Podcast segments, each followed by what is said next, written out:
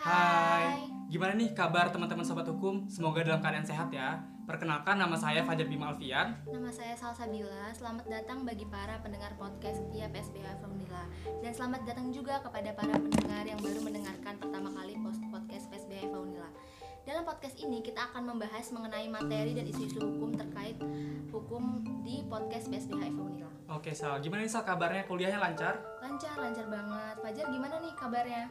Ya Alhamdulillah sehat walaupun memang sekarang ini kita masih berada di COVID-19 tapi uh, harus tetap menjaga kesehatan, kesehatan tubuh dan juga tetap produktif tentunya. Iya bener banget walaupun memang sekarang masih kuliah online juga tapi tetap dong yang namanya semangat dan produktif itu emang nggak boleh hilang dong pastinya. Iya benar Nah, banget Sal. salah satu cara nih buat kita tetap produktif adalah dengan mendengarkan podcast pastinya.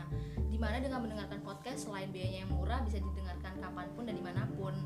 Karena memang di podcast ini selain bisa menambah wawasan dan beberapa masalah-masalah hukum, kita juga dapat uh, mendengarkan kira-kira masalah apa saja sih yang memang lagi viral di masyarakat ini. Ya memang banyak banget ya Sal manfaat dari mendengarkan podcast ini. Nah langsung saja nggak perlu berlama-lama lagi. Kita bakal kasih tahu nih teman-teman apa sih topik yang bakalan kita angkat di podcast kita kali ini Sal. Iya, jadi di podcast kita kali ini ini kita akan membahas salah satu isu hukum terkait ini mengenai hukum pidana di mana dilakukan oleh seorang aparat penegak hukum yaitu seorang jaksa yang bekerja di Kejaksaan Agung yaitu Jaksa Pinangki di mana jaksa ini melakukan tindak pidana tiga tindak pidana sekaligus Jar. Di mana memang di sini yang menjadi polemik masyarakat adalah bagaimana putusan yang diterima oleh Jaksa Pinangki ini dari 10 tahun menjadi empat tahun yang menurut masyarakat dan beberapa penegak hukum lain itu memang sangat tidak adil dan tidak sesuai dengan aturan hukum di Indonesia Jar. Ya, memang dari kasus Jaksa Pinangki ini saya sendiri sudah ngikutin prosesnya sih Sal dari awal sampai mendapatkan uh, vonis di pengadilan tingkat banding. Dan memang alasan yang mendasari pengurangan hukuman ini didasarkan oleh alasan-alasan yang kurang masuk akal begitu. Iya benar sekali ya cukup bisa dibilang mendapatkan diskon ya Jar dari 10 tahun menjadi empat tahun yang tidak sesuai dengan tindak pidana tiga tindak pidana sekaligus loh Jar. Nah menurut Fajar sendiri nih sebagai mahasiswa hukum bagaimana ya menanggapi kasus yang terjadi ini apalagi nantinya pastinya kita akan menjadi aparat penegak hukum juga dong ya. Iya, pastinya kita sebagai mahasiswa hukum harus lebih peka dan kritis terhadap masalah-masalah seperti ini. Dan secara pribadi saya berpandangan bahwa tindakan jaksa jaksa Pinangki ini sudah merusak atau mencoreng nama baik institusinya maupun wajah dari proses penegakan hukum kita di Indonesia. Iya benar sekali. Iya, karena seharusnya jaksa Pinangki ini melakukan uh, penegakan hukum yang sebagaimana mestinya, bukan seperti ini, Sal. Iya benar sekali memang wajar saja ya menimbulkan polemik di masyarakat karena ya putusannya ini memang sangat terbilang cukup aneh dan cukup mendapatkan diskon besar-besaran sepertinya ya. Tapi tunggu dulu nih Jar. Kita tuh nggak kita nggak hanya mendiskusikan ini hanya berdua saja. Kita akan kedatangan salah satu narasumber yang memang dapat menambah pandangan dan wawasan mengenai isu hukum yang sedang kita bin- perbincangkan ini. Di mana narasumber ini akan menambah asik dalam bincang podcast kita di sesi kali ini Jar. Coba bisa diperkenalkan? Iya Sal, pastinya teman-teman kita dari Sobat Hukum ini udah penasaran banget siapa sih narasumber yang bakalan kita hadirkan di podcast kita kali ini. Langsung saja, narasumber kita adalah salah satu alumni dari Fakultas Hukum Universitas Lampung yang mana beliau ini merupakan praktisi yaitu advokat di kantor hukum Sopian Sitepu and Partners. Dan tentunya juga narasumber kita ini adalah alumni dari PSBH Eva Unila. Langsung saja Sal kita sapa Bang Abdul Rahman PNS HMH. Iya, halo Bang Abdul, gimana nih Bang kabarnya? Ya, halo, eh, baik semuanya. Eh, terima kasih nih undangan untuk podcast hari ini. gitu Iya ya. Bang. Dan gimana nih Bang kesibukannya akhir-akhir ini Bang? Lagi banyak kasus atau gimana nih Bang? Apalagi sekarang lagi pandemi gini kan ya Bang? Ya, ya, alhamdulillah karena memang kesibukan saya sebagai advokat ya di kantor Pak Sopian Tepu. Ya, setidaknya ada beberapa perkara lah lagi dijalani gitu ya dan cukup apa ya, cukup menyita waktu lah. Jadi agak-agak sulit untuk cari-cari waktu libur gitu Jadi kan. walaupun pandemi tetap aja ya Bang ya banyak sekali memang permasalahan-permasalahan nggak berkurang dibandingkan sebelum pandemi juga. tetap justru gini di masa pandemi ini masalah hukum itu makin kompleks dan masih apa ya timbul permasalahan-permasalahan hukum baru gitu kan jadi apa ya eh tidak hanya sebelum masa pandemi ketika pandemi ini masalah baru muncul seperti masalah kesehatan. Dilihat dari aspek hukumnya juga ada ya. Misalkan penjualan seperti kasus di Sumatera Utara itu kan apa penggunaan antigen yang palsu ternyata atau bekas Iya, ya kan? Itu kan masalah hukum juga.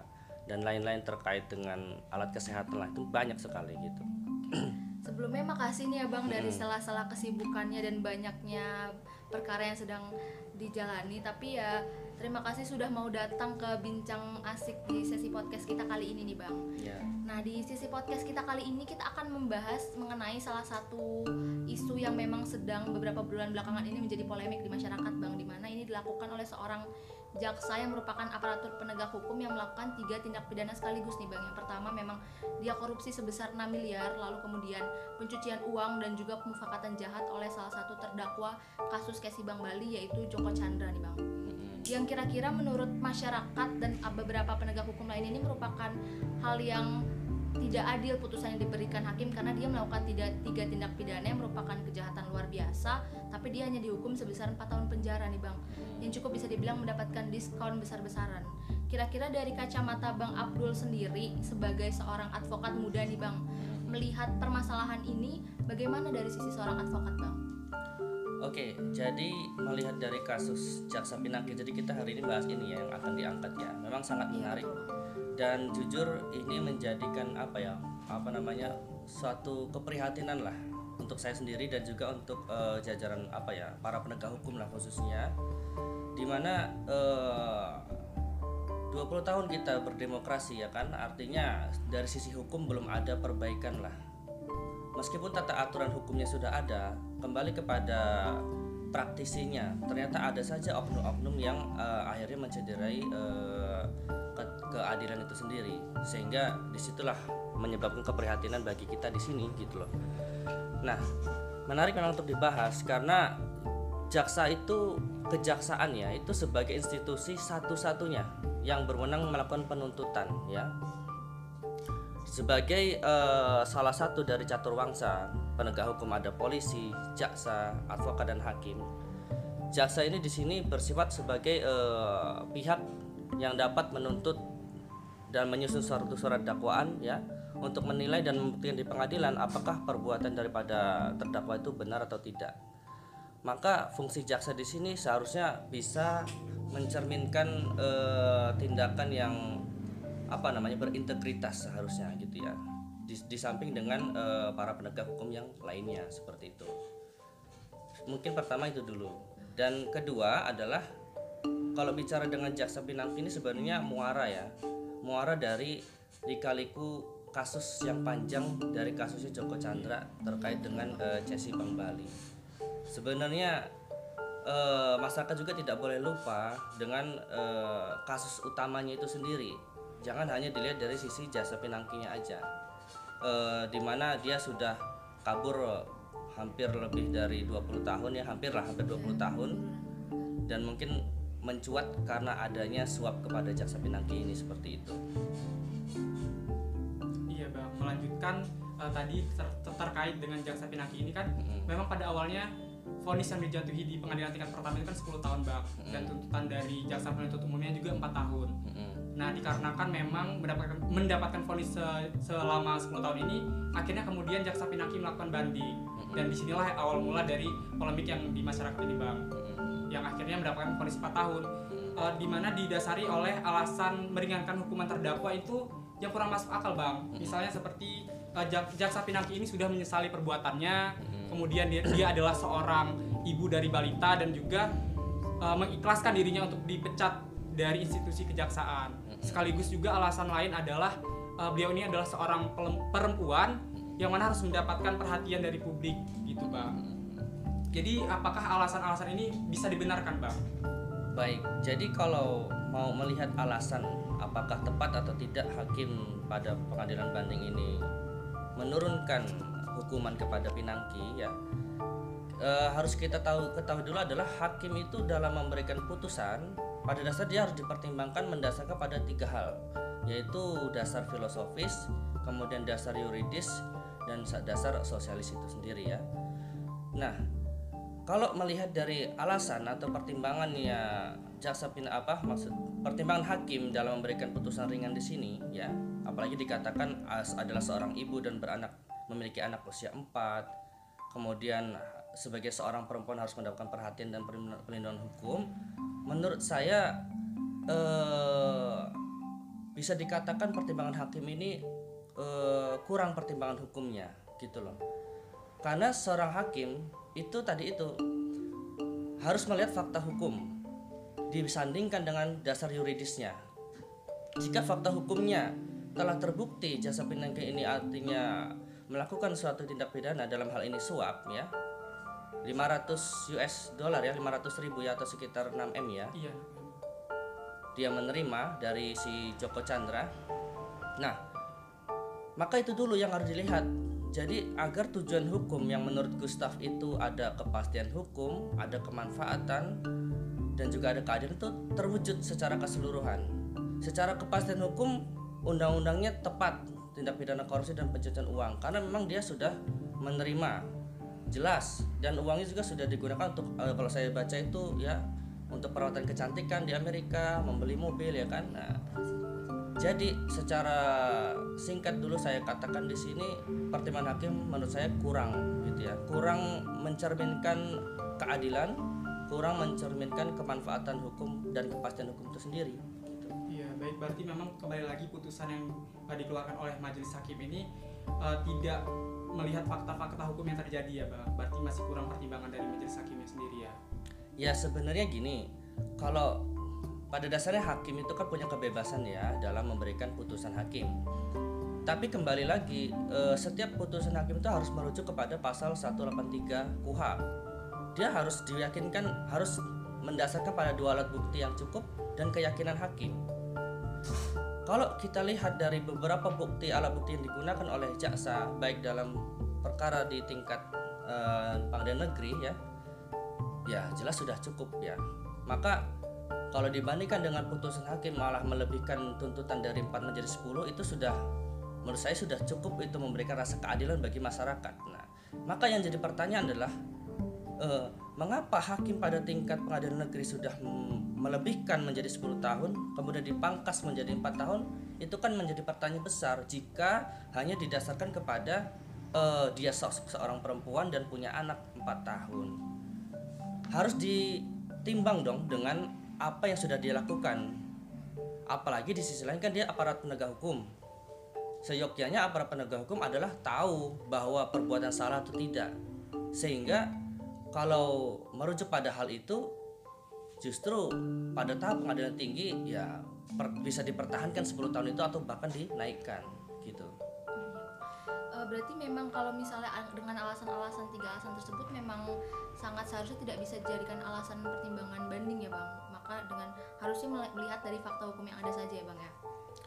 Jadi gini, eh saya kan tidak tidak be- belum merinci apa yang menjadi dasar jaksa pinang- pinangki ini mengajukan banding ya. Kita hanya sekilas melihat dari berita yang ada. Nah, dari sisi kacamata hukum yang saya lihat, eh, kalau masalah perkara di tingkat pengadilan negeri sampai banding itu berbicara masalah fakta hukum, yudek fakti namanya ya. Jadi dia hanya berkutat kepada alat bukti Ketika alat bukti itu sudah jelas, uang sudah diterima, apalagi juga keterangan dari saksi-saksi lainnya itu menguatkan, nah maka di situ seharusnya hakim dapat memberikan eh, putusan yang seadil-adilnya.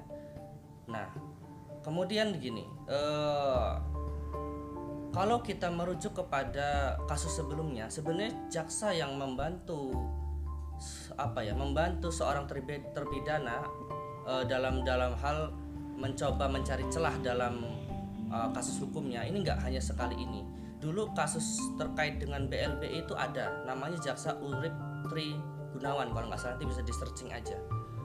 Di situ dia itu membantu dia termasuk menerima suap juga untuk membantu agar perkaranya ini tidak naik. Di situ dulu dia berkaitan dengan Artalita Suryani. Tapi pada waktu itu hakim memberikan putusan 20 tahun penjara. Nah artinya ini mungkin nanti bisa jadi kajian nih pembandingan gitu loh dulu ada seorang jaksa juga mirip-mirip kasusnya dia 20 tahun penjara. Kenapa kok sekarang jaksa pinangki ini hanya empat tahun? Nah maka eh, dalam rangkaian proses penegakan hukum ini kan belum selesai pada tahap banding. Seharusnya institusi kejaksaan pada saat itu mengajukan kasasi seharusnya. Nah hanya kita kan tidak tahu nih terkadang eh, penegakan hukum itu tidak bisa hanya dilihat dari sisi legal formalnya tapi ada juga kah di belakang itu kekuatan-kekuatan politik tertentu. Nah, kadang itu yang menyebabkan eh, hakim tidak bisa berdiri secara objektif, netral dan ber apa ya bebas gitu loh. Ya kita takutkan dari hakim yang memberikan putusan ini dia ada tekanan-tekanan dari siapa kita tidak tahu gitu kan. Karena tadi itu kalau kita merujuk kepada kasus-kasus sebelumnya besar harusnya tak apa eh, pidananya ini seharusnya malah dihukum 20 tahun penjara gitu kan apalagi kan ini ada TPPU-nya gitu. Berarti memang seharusnya tidak mungkin hanya empat tahun penjara ya bang dilihat dari tindak pidana yang dia lakukan. Bisa, tapi tadi itu tidak mencerminkan rasa keadilan dan kemanfaatan hukum. Ya kan? Mencederai, mencederai gitu kan. Menelisik lebih lanjut nih bang mengenai aturan hukum yang ada di, di Indonesia. Sebenarnya aturan hukum yang ada di Indonesia ini bagaimana sih bang mengatur korupsi apalagi ini dilakukan oleh aparat penegak hukum yang melakukan tiga tindak pidana sekaligus yang merupakan kejahatan luar biasa. Sebenarnya eh, peraturan aslinya dalam aturan hukum di Indonesia itu seperti apa bang seharusnya? Ya kalau peraturan hukumnya jelas, kalau tentang tipikor kan kita merujuk kepada Undang-Undang Nomor 31 Tahun 1999 ya kan dan Undang Nomor 30 Tahun 2001 ya. Koreksi kalau saya salah nanti ya, artinya merujuk kepada undang-undang itu. Kemudian juga karena dia ada suatu perbuatan yang menggunakan uang hasil kejahatan korupsi itu untuk kepentingan pribadi, maka dia juga kena Undang-Undang TPPU pencucian uang gitu ya. Nah, kalau kalau melihat dari sisi aturan hukum sebenarnya sudah tepatlah pasal-pasal yang digunakan itu. Hanya begini, eh, kita kan ada lembaga namanya KPK, ya, Komisi Pemberantasan Korupsi. Eh, hal ini menurut saya pribadi akan lebih bijak, akan lebih objektif jika yang melakukan penuntutan adalah dari KPK itu sendiri, ya kan. Eh, jadi di situ akan eh, lebih bersifat objektif itu tadi sehingga eh, tidak ada tekanan karena kan ini jaksa pinangki internal dari kejaksaan jadi tuntutannya itu tidak tidak apa ya bisa tidak konflik of interest lah antara pribadi jaksa pinanti dengan kejaksaan itu sendiri seperti itu Eh, ini kan dia melakukan tiga tindak pidana sekaligus ya bang, di mana memang eh, berbeda-beda kan tiap eh, putusan hukumnya mulai dari pencucian, korupsi dan satu lagi pemufakatan jahat. Itu kira- kira-kira penjatuhan vonis hukuman itu bagaimana bang? Apakah memang dia menjumlahkan eh, total masa tahanannya atau memang diambil dari yang eh, kejahatan yang memang dilakukan dia yang paling tinggi bang? Nah, jadi terkait dengan uh, hukuman tindak pidananya, ya, kita harus melihat daripada dakwaan. Ya. Dakwaannya kalau kita lihat adalah sebentar. Dia di- didakwa dengan tiga pasal berlapis kan. Ada pas dakwaan pertama pasal 5 itu terkait suap. Kemudian subsidiarnya pasal 11 itu terkait juga suapnya suap kepada jabat yang berkaitan dengan jabatan. Kemudian juga ada pasal 3 Undang-Undang TPPU itu dakwaan keduanya. Dan dakwaan ketiga primer pasal 15 itu Undang-Undang Tipik- Tipikor Jungto pasal 88 itu terkait dengan pemufakatan jahat. Nah ini yang perlu dikritisi juga kalau kita melihat dari susunan dakwaannya itu tidak dijungtokan dengan pasal-pasal yang biasanya dipa- di, dijungtokan gitu loh. Contoh pasal 55 penyertaan. Kemudian pasal 64 atau 65 terkait dengan perbarengan tindak pidana. Nah, di situ dulu kalau kita mau mengkaji. Karena kalau kita lihat di sini kan di situ tidak dijungtokan tuh pasal 64 maupun pasal 65. Maka menjadi kebebasan hakim untuk memilih. Bebas dia mau menentukan terbukti yang mana gitu kan? Dan juga bebas menentukan mau memberikan hukuman berapa lama ya. Karena dalam eh, pasal 5 itu kalau kita lihat kita baca pasalnya itu pasal 5 Undang-Undang Tipikor itu saat paling singkat satu tahun paling lama lima tahun. Kemudian yang paling besar itu kan adalah pasal 3 Undang-Undang Nomor 8 Tahun 2010 tentang tindak pidana pencucian uang maksimal 20 tahun. Yang jadi persoalan adalah Undang-Undang TPPU ini walaupun eh, hukuman ancamannya tinggi 20 tahun tapi dia itu hanya mencantumkan pidana maksimal. tidak ada pidana minimal sehingga memberikan kebebasan hakim hakim dapat memberikan pidana satu tahun di situ karena tidak ada minimalnya gitu loh jadi pertama karena tidak dicantumkan junto pasal 65, 64 ataupun 55 terkait penyertaan dan perbarengan maka memberikan kebebasan hakim di sini untuk menentukan uh, putusan terhadap jaksa pinangki ini sendiri gitu loh. Nah maka kalau kita kritisi ya seharusnya jaksa ini dalam memberikan dakwaan kepada jaksa pinangki ini seharusnya menjuntukan kepada tinggal dilihat saja. Kalau dalam hukum pidana kan dikenal dengan uh, konkursus ya. Ada konkursus idealis ada konkursus uh, realis. Dalam hal tindak pidana yang dilakukan oleh jaksa pinangki ini ada beberapa. Ada beberapa tindak pidana. Satu ada dia melakukan korupsi menerima suap TPPU dia menggunakan uang suap itu. Tiga pemufakatan jahat terkait dengan Joko Chandra ada pemufakatan dia, dia dia memberikan action plan untuk memberikan fatwa fatwa Mahkamah Agung ya kan walaupun tidak berhasil. Berarti kan jelas di sini ada beberapa tindak pidana. Pertanyaan besar, mengapa kok jaksa tidak men, menjuntukkan dalam dakwaannya? Nah, itu juga yang menjadi koreksi buat kita, kritis kritik maksudnya. Jadi kritik ini tidak hanya terhadap ranah eh, Mahkamah Agung atau hakim yang memeriksa tapi kepada jaksa itu sendiri kalau kita melihat dari beberapa case eh, kebanyakan dakwaan itu pasti selalu dijuntukan dengan pasal 55 kalau memang dia itu ada beberapa orang dan juga pasal 64 atau pasal 5 jika itu beberapa tindak pidana nah seperti itu ya bang terkait uh, kalau kita melihat tadi yang sudah bang Abdul sampaikan Hmm. seharusnya kan dari majelis hakim sendiri memiliki kebebasan untuk memutus Dah, dan menyambung terkait dengan itu kan memang majelis hakim itu memiliki kewenangan untuk melakukan ultra petita. Kalau memang tuntutan JPU itu hanya tidak menggunakan hukuman yang maksimal misalkan bang. Seharusnya dari putusan jaksa pinangki ini juga majelis hakim menggunakan ultra petita itu bang. Apa enggak, enggak. kurang itu? tepat kalau dikatakan ultra petita. Sebenarnya bisa saja di sini hakim eh, dia memutus 20 tahun bisa. Karena di sini kan jaksa sudah menggunakan pasal 3 undang-undang TPPU bisa. Dimaksimalkan saja gitu loh.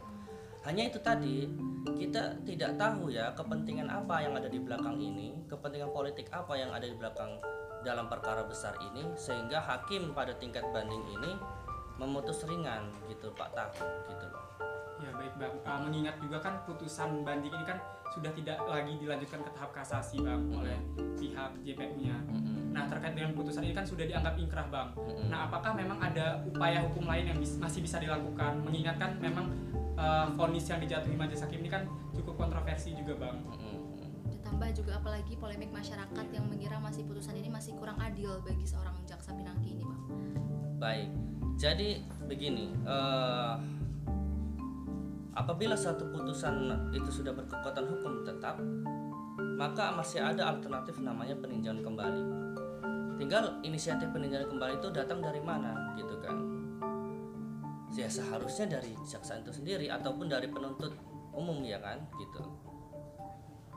Eh, kalau melihat seharusnya kemarin kan seharusnya dia mengajukan kasasi, tapi ternyata tidak melakukan, maka alternatif terakhir adalah PK. Kalau kita katakan PK ini harusnya dari Pinangki atau terdakwa, saya rasa nggak mungkin. Ibaratnya kalau saya advokatnya Pinangki pun akan berpikir se- seperti itu. Dalam arti gini, sudahlah orang sudah diputus mudah, diputus enak kok ringan, ngapain di PK lagi? Nanti naik ya kan? Maka nggak mungkin kalau inisiatif PK ini akan muncul dari si terdakwa atau terpidana itu sendiri. Maka PK ini harusnya diajukan sendiri oleh kejaksaan.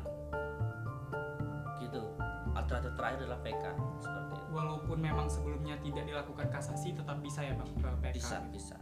PK ini kan yang penting kan adalah eh, itu tadi. Kalau mau baca di KUHAP ya, KUHP dan KUHAP, itu kan ada syarat-syarat. Satu, apabila ada kekhilafan hakim yang nyata, bisa jadi dalam putusan hakim ini itu bisa dibuktikan ada kekhilafan hakim yang nyata. Maksudnya khilaf hakim yang nyata itu adalah hakim itu memutus dia tidak merujuk kepada tadi itu. Mana dasar filosofisnya, mana dasar yuridisnya, dasar eh, sosialisnya gitu kan. Ketiga dasar itu harus dipertimbangkan secara cukup namanya legal reasoning, pertimbangan hukum hakim. kemudian ada juga novum atau keadaan yang baru jika dalam perkara eh, jaksa pinangki ini pada saat disidangkan itu ada bukti yang belum dimunculkan pada saat itu kemudian kalau saat ini ternyata baru ketemu dan dimunculkan dan itu bisa menambah beban pidananya ya bisa saja diajukan PK nah ya ini tadi kembali kepada inisiatif dari aparat penegak hukum dalam hal ini kejaksaan. Gitu. Eh, Lalu menurut dari sekian banyak yang memang sudah dijabarkan tersebut, kira-kira kalau misalnya dari kacamata Bang Abdul sendiri nih sebagai masyarakat eh, melihat putusan ini sebenarnya putusan dari 10 tahun yang memang dijatuhkan di tingkat pertama 10 tahun penjara dengan denda 600 juta, kemudian ketika dibanding akhirnya mendapatkan vonis putusan sebesar 4 tahun 500 juta. Kira-kira menurut Bang Abdul sendiri ini merupakan putusan yang adil atau tidak sih Bang?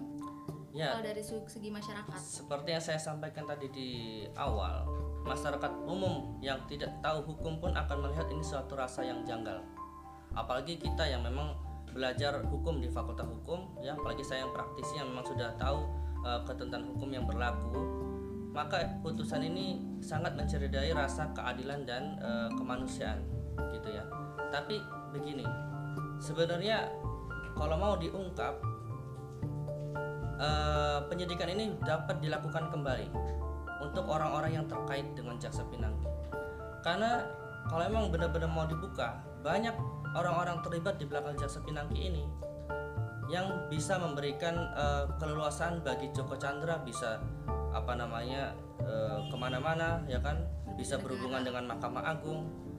Kalau mau dilihat kan jasa pinangki dia jabatannya apa sih di jasa agung itu? Maksudnya bukan memegang satu jabatan yang dapat memberikan keputusan dan kebijakan. Berarti ada orang tinggi lainnya yang Membantu. membantu itu dan seharusnya bisa diungkap sehingga ini jangan haja jangan hanya mati di jasa pinangki. Bisa jadi jasa pinangki ini hanya menjadi jadi ya kambing hitam lah dari beberapa kasus besar ini. Udah tutup berhenti di situ. Tapi orang-orang lain besar-besar lainnya itu ke mana? Itu yang ya apalagi sekarang berita sudah di tidak masif lagi kan terhadap pemberitaan ini. Maka demi keadilan seharusnya pemerintah dalam hal ini bisa berani mengungkap kenapa eh, benang kusut yang terjadi kenapa seorang jaksa bisa menawarkan diri kepada terpidana yang sudah lolos bertahun-tahun untuk eh, memberikan eh, action plan membebaskan dia seharusnya kan seorang jaksa ya harusnya dia udah tahu di sana ditangkap dong karena dia buron seyogyanya kan seperti itu Berarti memang sebenarnya harusnya masih bisa di- diulang penyidik penyelidikannya ya Bang melihat memang kasus ini memang cukup janggal dari Betul. segi kasusnya sendiri. dilakukan penyidikan baru bukan diulang Oh, iya. gitu Ya baik bang, Eh, terlepas memang mungkin saja bisa kita katakan ada boss maker dari kasus ini ya bang. Tapi kan eh, kita hanya terpaku dari putusan jaksa pinangki ini bang, karena kan dari kita melihat juga dari pemerintah kurang berani mungkin untuk mengungkap kasus-kasus di balik ini kan bang. Nah eh, kemudian kita menyinggung lagi bang terkait putusan eh, banding ini, apakah kemudian ketika dirasa ada kejanggalan eh, dalam majelis hakim memutus itu, apakah nanti eh, ketika komisi yudisial memeriksa hakim itu sendiri bisa mempengaruhi isi putusan itu bang? Oh maksudnya gimana? Ini kan sudah selesai. Iya. maksudnya setelah ini mau diperiksa gitu? Apakah nanti ketika komisi yudisial akan memeriksa hakim yang memutus itu, apakah nantinya akan mempengaruhi putusan itu sendiri bang? Atau bagaimana? enggak. Putusan hakim ya sudah senyatanya sudah diputus ya seperti itulah. Apabila nanti ada pihak-pihak mungkin dari maki atau apa yang mau melaporkan terhadap hakim PT ini dan diperiksa komisi yudisial itu urusan lain komisi yudisial hanya nanti berkaitan dengan kode etik dan memberikan sanksi kepada hakim yang memeriksa itu Eh, maka ini kan memang kasus yang memang cukup mencoreng nama kejaksaan sekali ya bang ya. Nah kira-kira kalau misalnya buat untuk ke depannya nih bang, dampak pemotongan pidana yang menurut masyarakat memang tidak adil ini apakah uh, akan menimbulkan dampak bagi proses penegakan hukum di Indonesia khususnya kasus korupsi ini bang? sangat sangat memberikan dampak karena begini eh, jangankan karena kasus jaksa pinangki atau Joko Chandra sebelum sebelumnya aja Setia Novanto dan lain itu sudah sangat mengurangi rasa kepercayaan masyarakat kepada institusi kita KPK kejaksaan terhadap penegakan korupsi. Apalagi dengan adanya revisi terhadap undang-undang KPK kita lihat sekarang KPK seperti apa ya kan? Terlalu banyak campur tangan di KPK sehingga tidak bisa berdiri tegak gitu kan? Maka dengan adanya kasus jaksa pinangki ini saya rasa hilang sudah kepercayaan kita.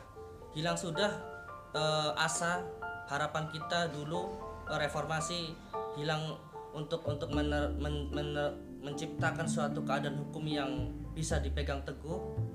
Hilang semua rasa eh, apa ya kepercayaan itu dari masyarakat ke kepada penegakan hukum itu itu sendiri. Maka sebenarnya di sini adalah pemerintah lah eh, mungkin Presiden Jokowi sendiri yang mau harus tegur langsung ke depan itu seperti apa gitu loh.